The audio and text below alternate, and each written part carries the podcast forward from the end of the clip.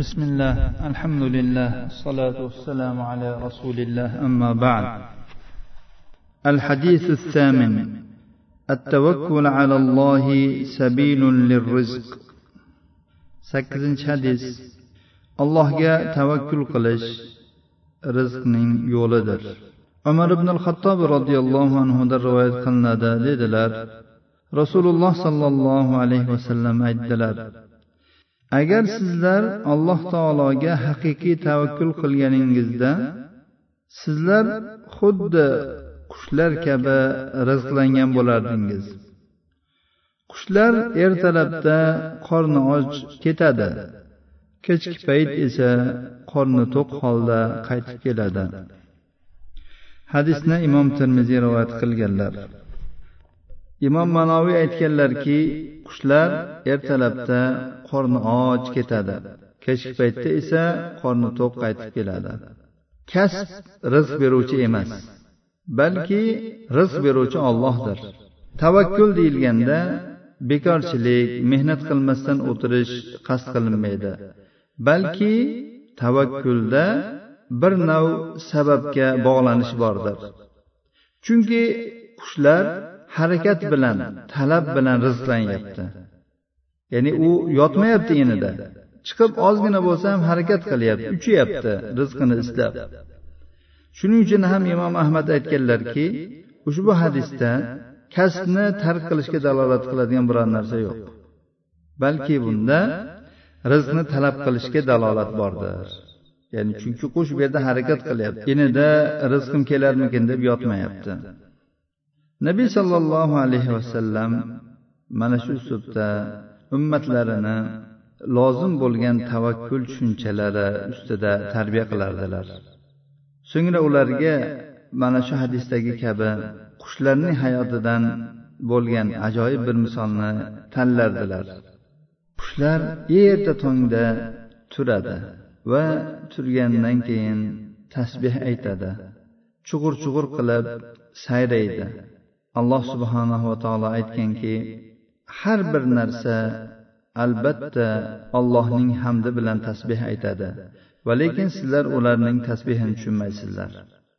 Qushlar mana shu o'zlariga sevikli bo'lgan ibodatni qilishgandan keyin ya'ni agar sizlar e'tibor bergan bo'lsanglar qushlar har kuni erta tongda turib olishadi va chug'ur chug'ur qilib daraxtlarda o'tirishadi. Ya'ni inlardan uzoqqa ketishmaydi muayyan vaqt chug'urashgandan keyin rizqini istab uchib ketishadi bu ularning alloh subhanahu va taologa qilgan tasbehlaridir ana endi ular alloh taologa ibodatlarni qilishgandan keyin inlaridan rizq maydonlariga rizqlarini terib kelish uchun bog'larga dalalarga va dondullar bo'ladigan makonlarga uchib ketishadi. Qushlar kunduzi bilan oziq ovqatini izlashlikda qattiq harakat qiladi. Quyosh botishga tomon moyil bo'lgan paytda qushlar o'z inlariga to'p to'p bo'lib qaytib kelishadi. Alloh subhanahu va taoloning ushbu so'zlarini ro'yobga chiqargan holatda. Biz kechani uxlash uchun dam olish uchun qildik. kunduzni esa tirikchilik uchun. qushlarning hayoti tavakkul ma'nosini ro'yobga chiqaradigan bir tartibda ekanligi bilan ajralib turadi. qushlarning hayoti tavakkul ma'nosini ro'yobga chiqaradigan intizom va sabablarni ushlash va doimiy harakat bilan ajralib turadi. mo'min kishi ham xuddi shu kabi sabablarni ushlaydigan bo'lsa va zimmasidagi talab qilingan farz vojib ibodatlarni ado etadigan bo'lsa va robbiga tavakkul qilib va'dasiga ishonib harakat qiladigan bo'lsa albatta alloh taolo unga xuddi qushlarga rizq bergandek rizqini beradi. Ibnul qaym aytadilarki ning darajalaridan biri tavakkul manzilatidir tavakkul darajasidir. Alloh taologa tavakkul qilinglar agar sizlar mo'min bo'lsangiz. Ey robbimiz biz senga tavakkul qildik va senga tavba qildik va qaytish ham sengadir. Alloh subhanava taolo aytganki agar siz bir ishni qilishga azm qilgan bo'lsangiz alloh taologa tavakkul qiling. Alloh tavakkul qiluvchilarni sevadi. Alloh subhanava taolo payg'ambar va elchilari haqida shunday degan. Bizga nima bo'ldiki alloh taologa tavakkul qilmas ekanmiz? Alloh taolo bizni to'g'ri yo'limizga boshlab qo'ygan bo'lsa. Nabiy sollallohu alayhi vasallamning ashoblari haqida shunday degan. odamlar ularga odamlar sizlarga qarshi to'planibdi ulardan qo'rqinglar ehtiyot bo'linglar degan paytlarida bu xabar ularning iymonlarini ziyodalashtirdi. va ular aytdilarki alloh taolo bizga kifoyadir. alloh subhanava taolo qanday ham yaxshi vakildir ya'ni bandalarning ishini boshqarish unga topshirilgan zotdir alloh subhanava taolo boshqa bir oyatda aytadiki haqiqiy mo'minlar alloh taolo zikr qilgan paytda qalblari titraydigan kishilardir. Ularga alloh taoloning oyatlari o'qiladigan bo'lsa bu oyatlar ularning iymonini ziyodalashtiradi. Ular robbilariga tavakkul qiladilar. Sahihaynda vorid bo'lgan jannatga hisobsiz kiradigan yetmish ming kishi haqidagi hadisda kelganki ular ruqya qilishni birovdan dam solishni talab qilmaydigan shumlanmaydigan va kuydirib davolamaydigan hamda robbilariga tavakkul qiladigan kishilardir. Sahihaynda yana bir rivoyatda kelganki rasululloh sollallohu alayhi vasallam aytganlar ey alloh senga taslim bo'ldim senga iymon keltirdim. Senga tavakkul qildim va senga qaytdim tavba qildim va sening yo'lingda husumat qildim. Ya'ni sen tufayli husumat qilaman. Sunanlarda vorid bo'lganki anas roziyallohu anhudan dedilar rasululloh sollallohu alayhi vasallam aytdilar kim uydan chiqqan paytda bismillah tavakkaltu alalloh va la havla va la quvvata illa billah deydigan bo'lsa unga hidoyatlanding saqlanding va kifoya qilinding deyiladi. Tavakkul dinning yarmidir. Ikkinchi yarmi esa inobatdir. Ya'ni inobat alloh taologa qaytish va tavba qilish. Din madad so'rash va ibodatdan iborat. Tavakkul madad so'rashdir. Inobat esa ibodatdir. Alloh taoloning avliyolari va xos kishilari alloh taologa iymonda allohning diniga nusrat berishda allohning kalimasini oliy qilishda dushmanlarga qarshi jihod qilishda va buyruqlarini bajarishda alloh taologa tavakkul qilishadi. Tavakkulning eng afzali farz ishlarda tavakkul qilish ya'ni haq taborika va taoloning haqqida va xalqlarga nisbatan bo'lgan haqlarda va insonning o'zi ustidagi haqlaridadir. Bularning eng kengi va eng foydalisi bir diniy ishni qilish yoki diniy nuqtai nazardan buzuq hisoblangan narsani daf qilishdagi tavakkuldir. Bu payg'ambarlarning alloh taoloni dinini o'rnatishda va yer yuzidagi buzg'unchilarning fasodini daf qilishdagi tavakkullaridir. Va mana shu ularning merosxo'rlarining ham tavakkulidir ana undan keyin odamlar tavakkulda himmatlariga qarab maqsadlariga qarab bo'lishaveradi darajalari. Ulardan ba'zilari alloh taologa mulkni hosil qilishda tavakkul qiladi. Ulardan ba'zilari alloh taologa rizqni hosil qilishda tavakkul qiladi. Va hokazo. Tavakkulning ma'nosi va darajalari. Imom ahmad aytganlarki tavakkul qalbning amali. Buning ma'nosi qalbiy amaldir. Tilning so'zi va a'zolarning amali emas. Va bu ma'lum bo'lgan narsalar va idrok qilinadigan narsalar bobidan ham emasdir. Odamlarning ba'zisi tavakkulni ma'ruf va ulum bilinadigan narsalar bobidan qilishadi va aytadiki tavakkul qalbning Rob taolo bandasiga kifoya ekanligini bilishidir. Yahya ibn muoz so'ralganki kishi qachon tavakkul qiluvchi bo'ladi? U zot aytdilarki qachonki alloh taoloni vakil ekanligiga rozi bo'lgan bo'lsa. Vakil deb biz yuqorida aytdik alloh taolo bandalarni rizqlarini berishlik bandalarni ishlarini boshqarishlik unga topshirilgan zotga aytiladi. Ba'zi bir ulamolar tavakkulni alloh taologa ishonish va alloh taolo bilan xotirjam bo'lish va alloh taolo bilan qalbi taskin topishi deb tafsir qilganlar.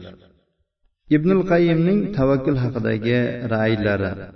U zot aytganlarki haqiqatda tavakkul bir necha ishlardan tarkib topgan holatdir. Tavakkulning haqiqati mana shu ishlar majmuasi bilan to'la bo'ladi kamolga yetadi. Ulamolardan har biri bu ishlarning bittasiga ikkitasiga yoki undan ko'prog'iga ishora qilganlar.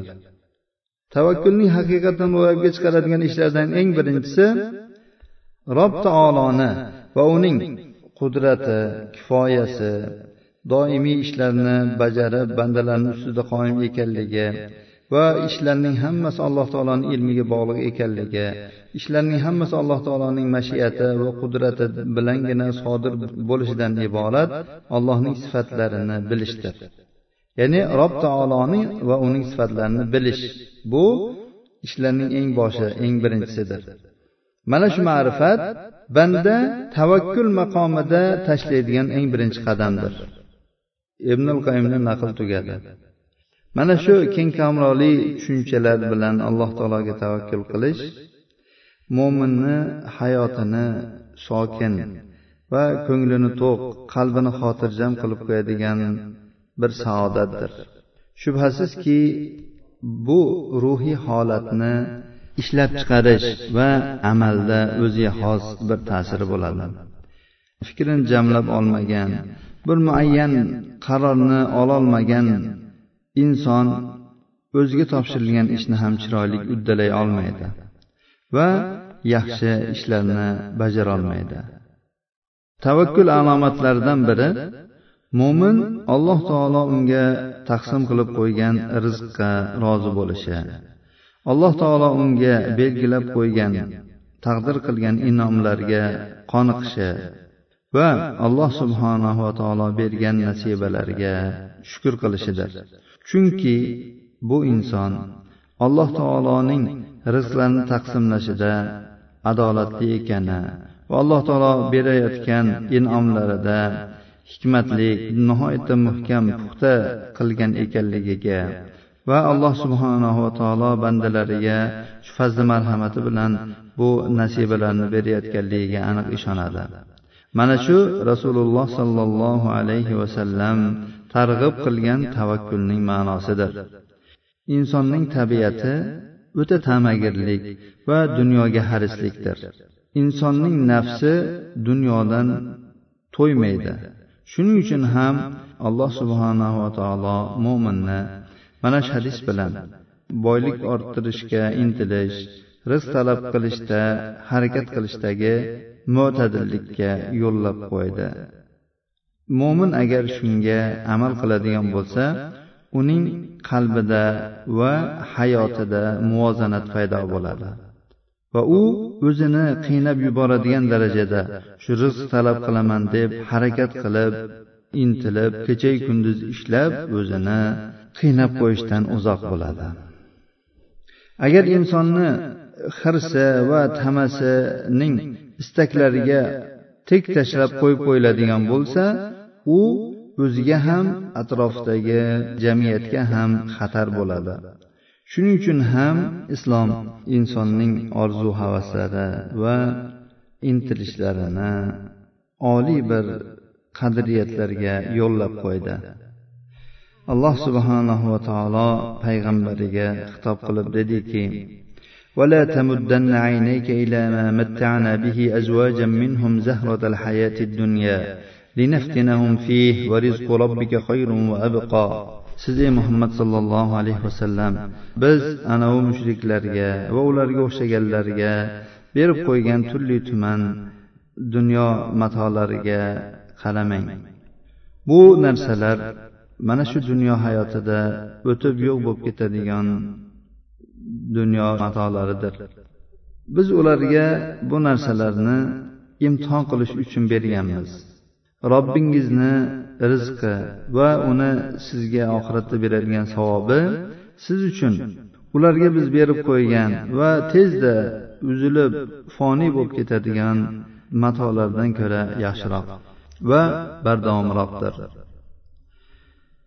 hadisdan olinadigan fiqh.